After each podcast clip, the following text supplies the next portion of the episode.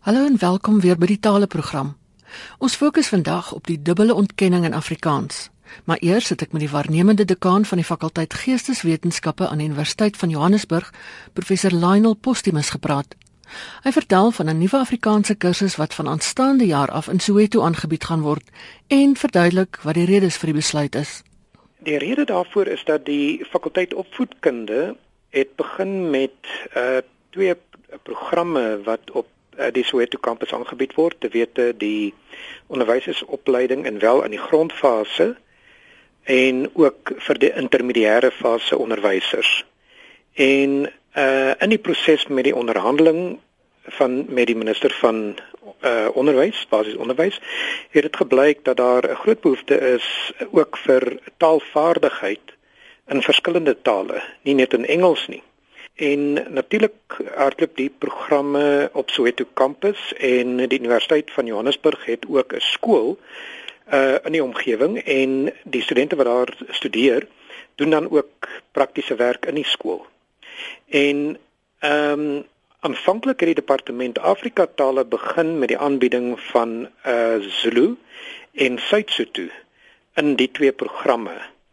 Uh en die depart, uh, ons fakulteit opvoedkunde het toe ook geïdentifiseer dat daar 'n behoefte is om dit uit te brei na Afrikaans toe.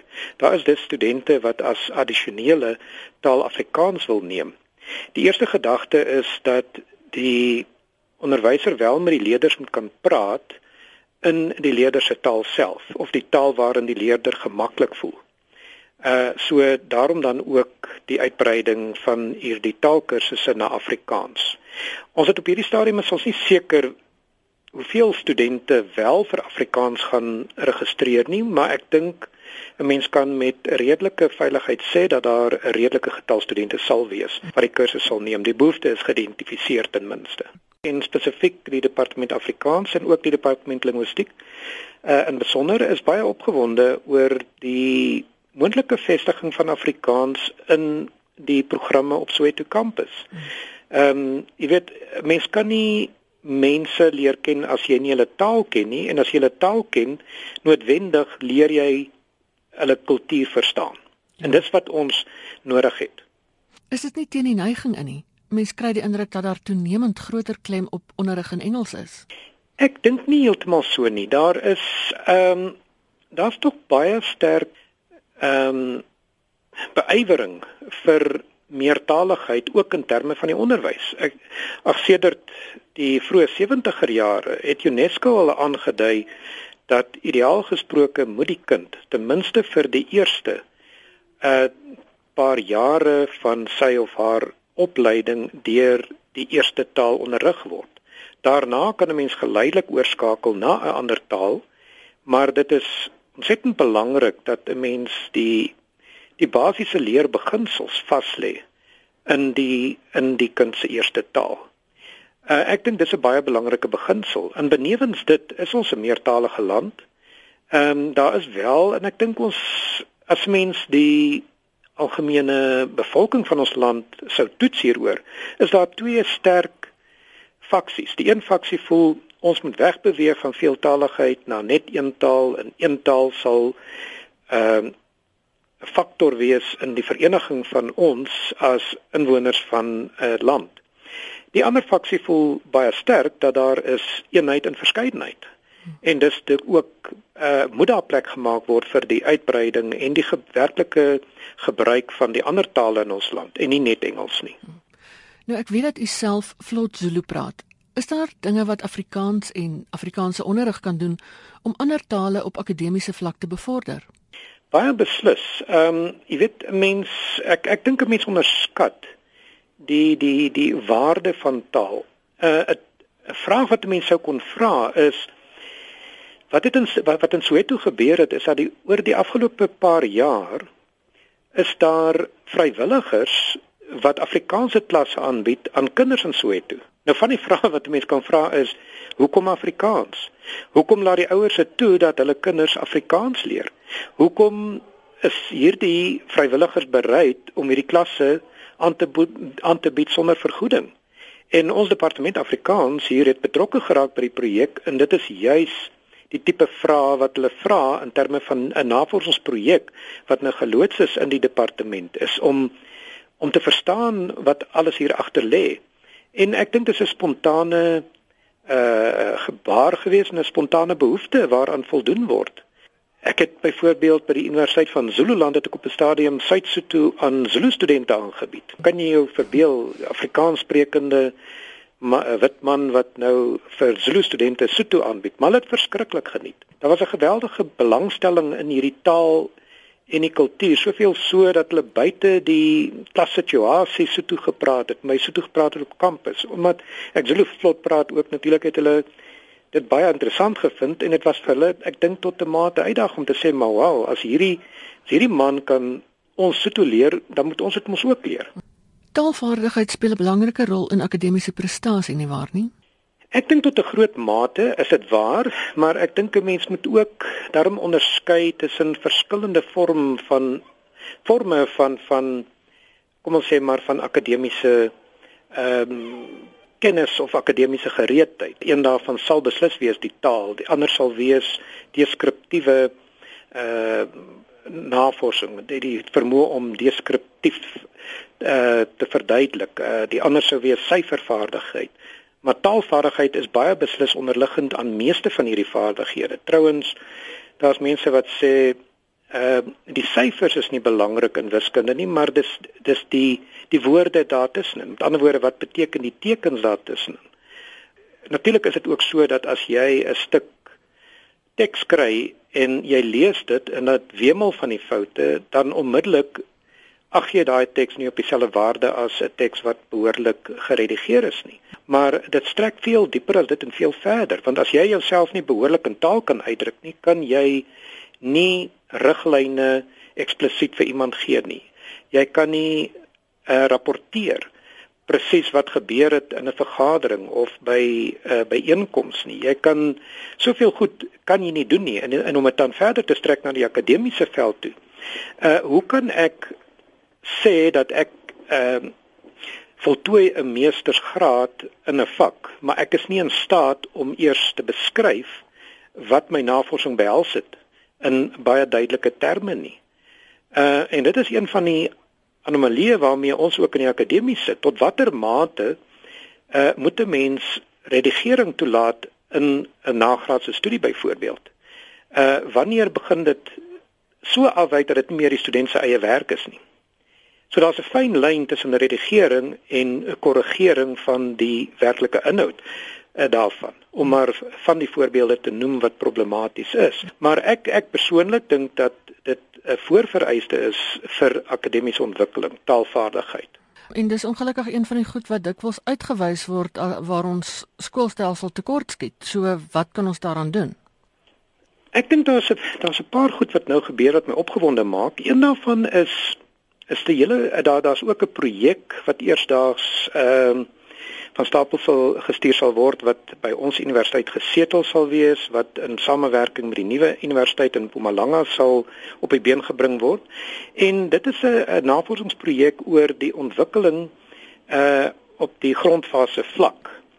En wat baie interessant is daar is dit gaan nie net oor die ontwikkeling van taalvaardigheid nie, maar die gebruik van taal as 'n uh, middel tot kognitiewe ontwikkeling.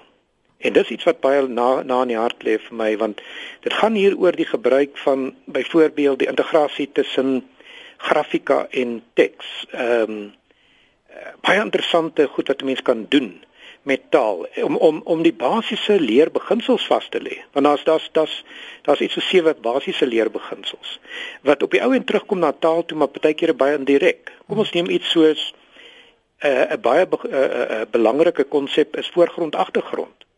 Nou ons is sekerlik almal bewus van hierdie tipiese inkleurboeke met die prentjies wat genommer is en as jy die prentjies inkleur dan skielik is hier 'n olifant in die boom en daardie tipe van dinge. En dan dink ons hy dis oulik vir die kind.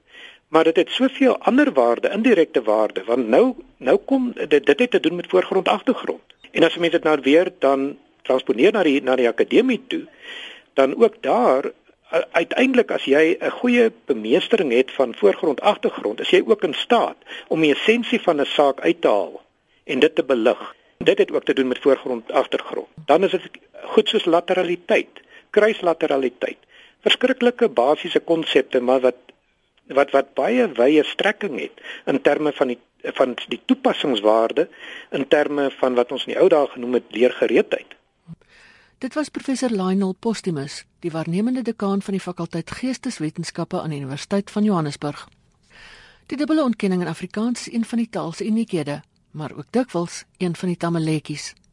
Ek het professor Wannie Karstens van die departement Afrikaans aan die Noordwes Universiteit se Potchefstroom kampus gevra waar die gebruik vandaan kom. Ja, dit is nogal 'n heel interessante patroon. Mense moet eintlik teruggaan na die geskiedenis van Afrikaans van baie baie lank gelede. Uh, ek is nou met 'n boek daaroor besig, so ek het heelwat daaroor te sê. Maar eintlik kom dit daarop neer toe die aanvanklike nedersetters in 1652 hier in die Kaap gekom het, het hulle 'n Hollandse variëteit saamgebring. Ons praat van 'n 17de eeuse Hollandse dialek. En ook ander dialeksprekers, nie net mense uit een dialektiese streek van Nederland wat gekom het nie, mense uit Vlaandere ensovoorts. En hulle het hier na die Kaap toe gekom en hier het hulle nie mense gehad wat vir hulle voorgeskryf het jy moet 'n taal so gebruik en so gebruik nie. Dit is wat ons noem die normatiewe patroon. Hierdie mense het taal gebruik om 'n taakie te verrig. Nou in hierdie proses het taal ook 'n baie nuttige instrument geword. Hulle taal wat hulle dus gebruik het, was maar gebaseer op wat hulle wat hulle ge, uh, gewoond aan was voor hulle hierheen gekom het en ook wat hulle te doen gekry het met mense wat hier aangetref het in die besonder die koi. Nou hier is dit nou nogal interessant, juis omdat hulle die koi aangetref het, juis omdat in die laat 17de eeu die klompie Franse hugenote hierheen gekom het, juis omdat slawe na die Kaap toe gekom het hier in die vroeë 18de eeu, het daar die idee begin ontstaan dat die slawe of die koi of die Franse se gebruik van 'n vorm van 'n ontkenning uiteindelik die die die die die, gebruik van die tweede nee in Afrikaans meegebring het. Maar nou het die mense met allerlei navorsing voorgestel, dit is nie noodwendig so nie. Dit gaan eerder terug op 'n middernederlandse dialek. Met ander woorde, so tussen die 13de en die 15de eeu. Daar was dit al die patroon om 'n tweede keer 'n nie te sê. En dit is nou nogal opvallend. So ten spyte van alle moontlike teorieë, lyk dit volgens literatuur dit gaan terug na een van die middelnederlandse dialekte waarmee die mense na die Kaap toe gekom het. Wat wel waar is, die gebruik in Frans en ook in Khoi en ook in natuurlik die taal van die slawe, die Maleis Portugees, het hierdie patroon net bestendig.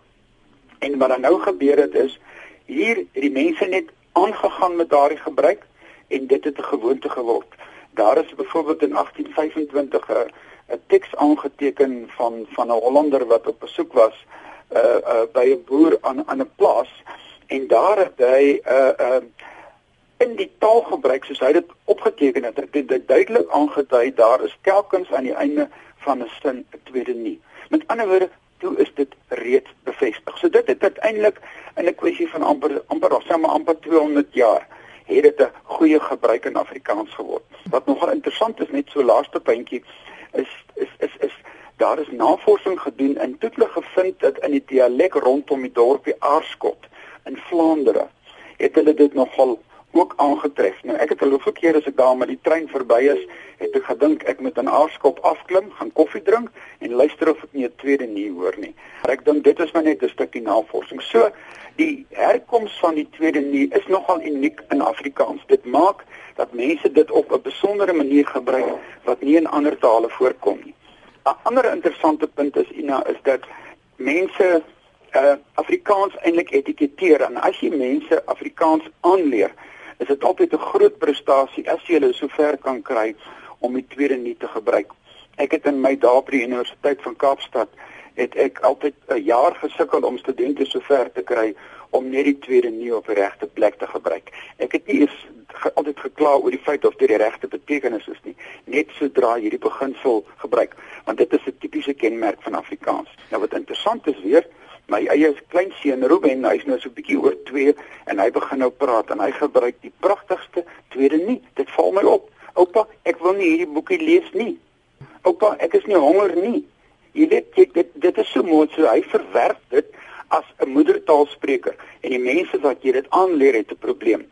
Nou moet jy ook dink aan die vroeë Kaap was daar mense uit soveel ander taalgemeenskappe en hulle moes op 'n manier hierdie vorm uh uh, uh aangeleer het en hulle dit baie vreemd gevind. So ek hoop dit maak die herkoms so bietjie bietjie bietjie duideliker.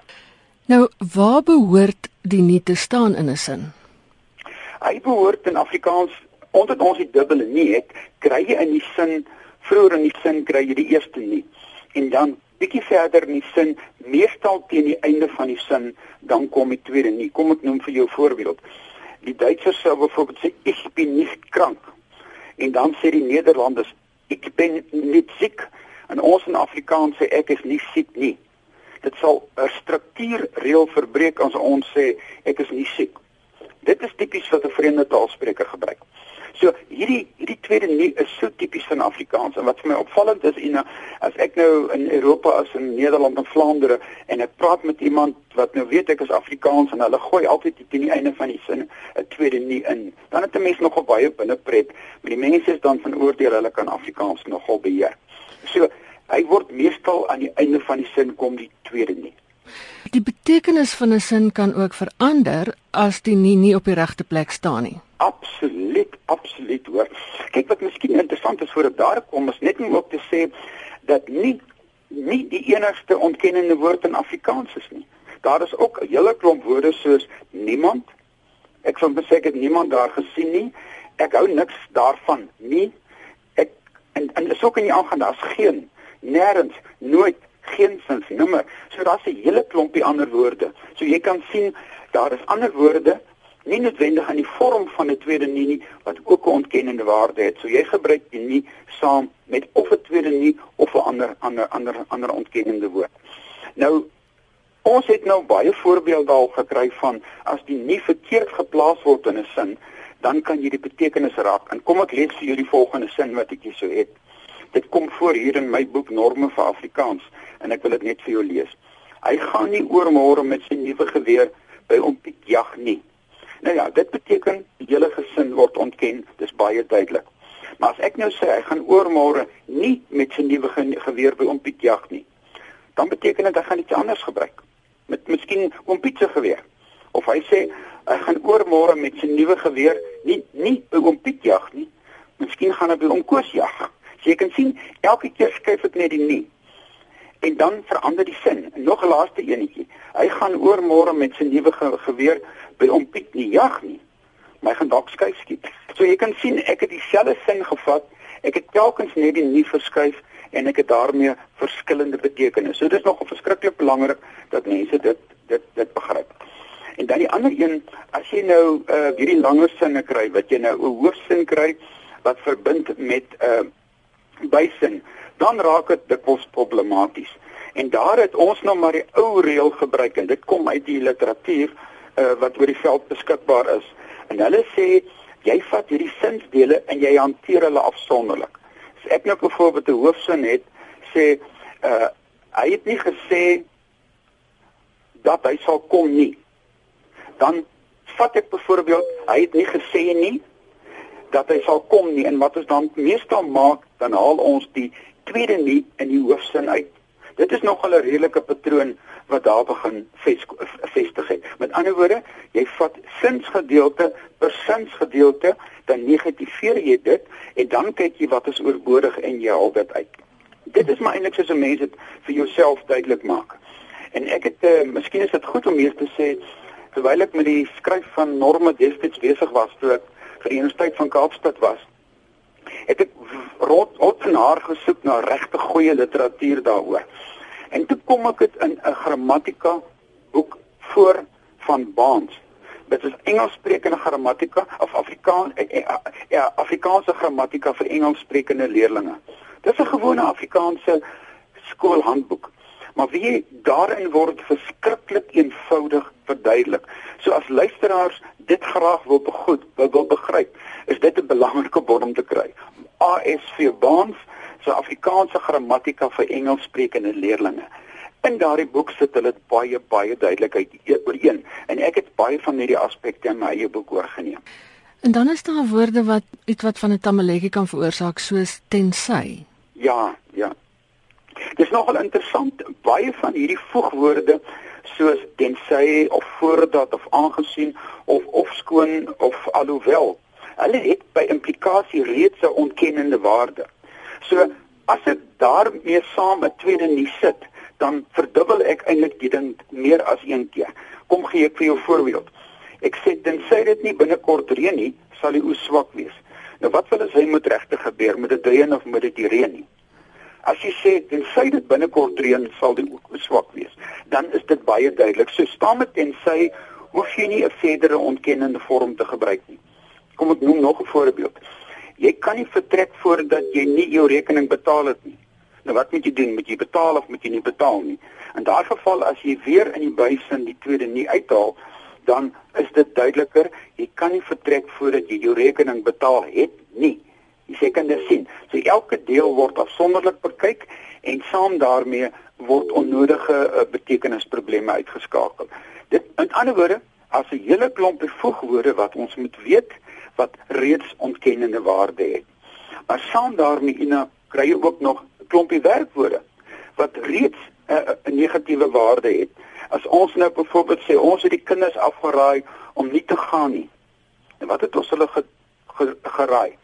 Moet hulle gaan of moet hulle nie gaan nie? Want afraai beteken reeds dat ons vir jou sê ons dink nie jy moet dit doen nie.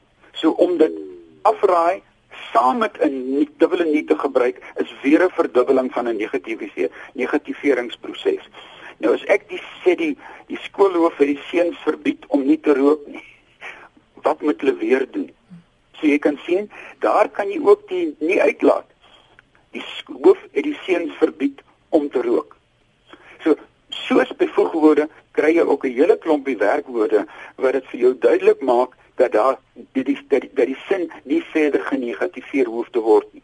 Want die negatiewe waarde lê reeds in of die voegwoord of in 'n bepaalde werkwoord. Daar in die boek is 'n hele klompie voorbeelde en mense kan daar gaan kyk. Dit was professor Wannie Karstens van die departement Afrikaans aan die Noordwes Universiteit se Potchefstroom kampus. Dis al vir vandag en van my Ina Strydom groete tot 'n volgende keer.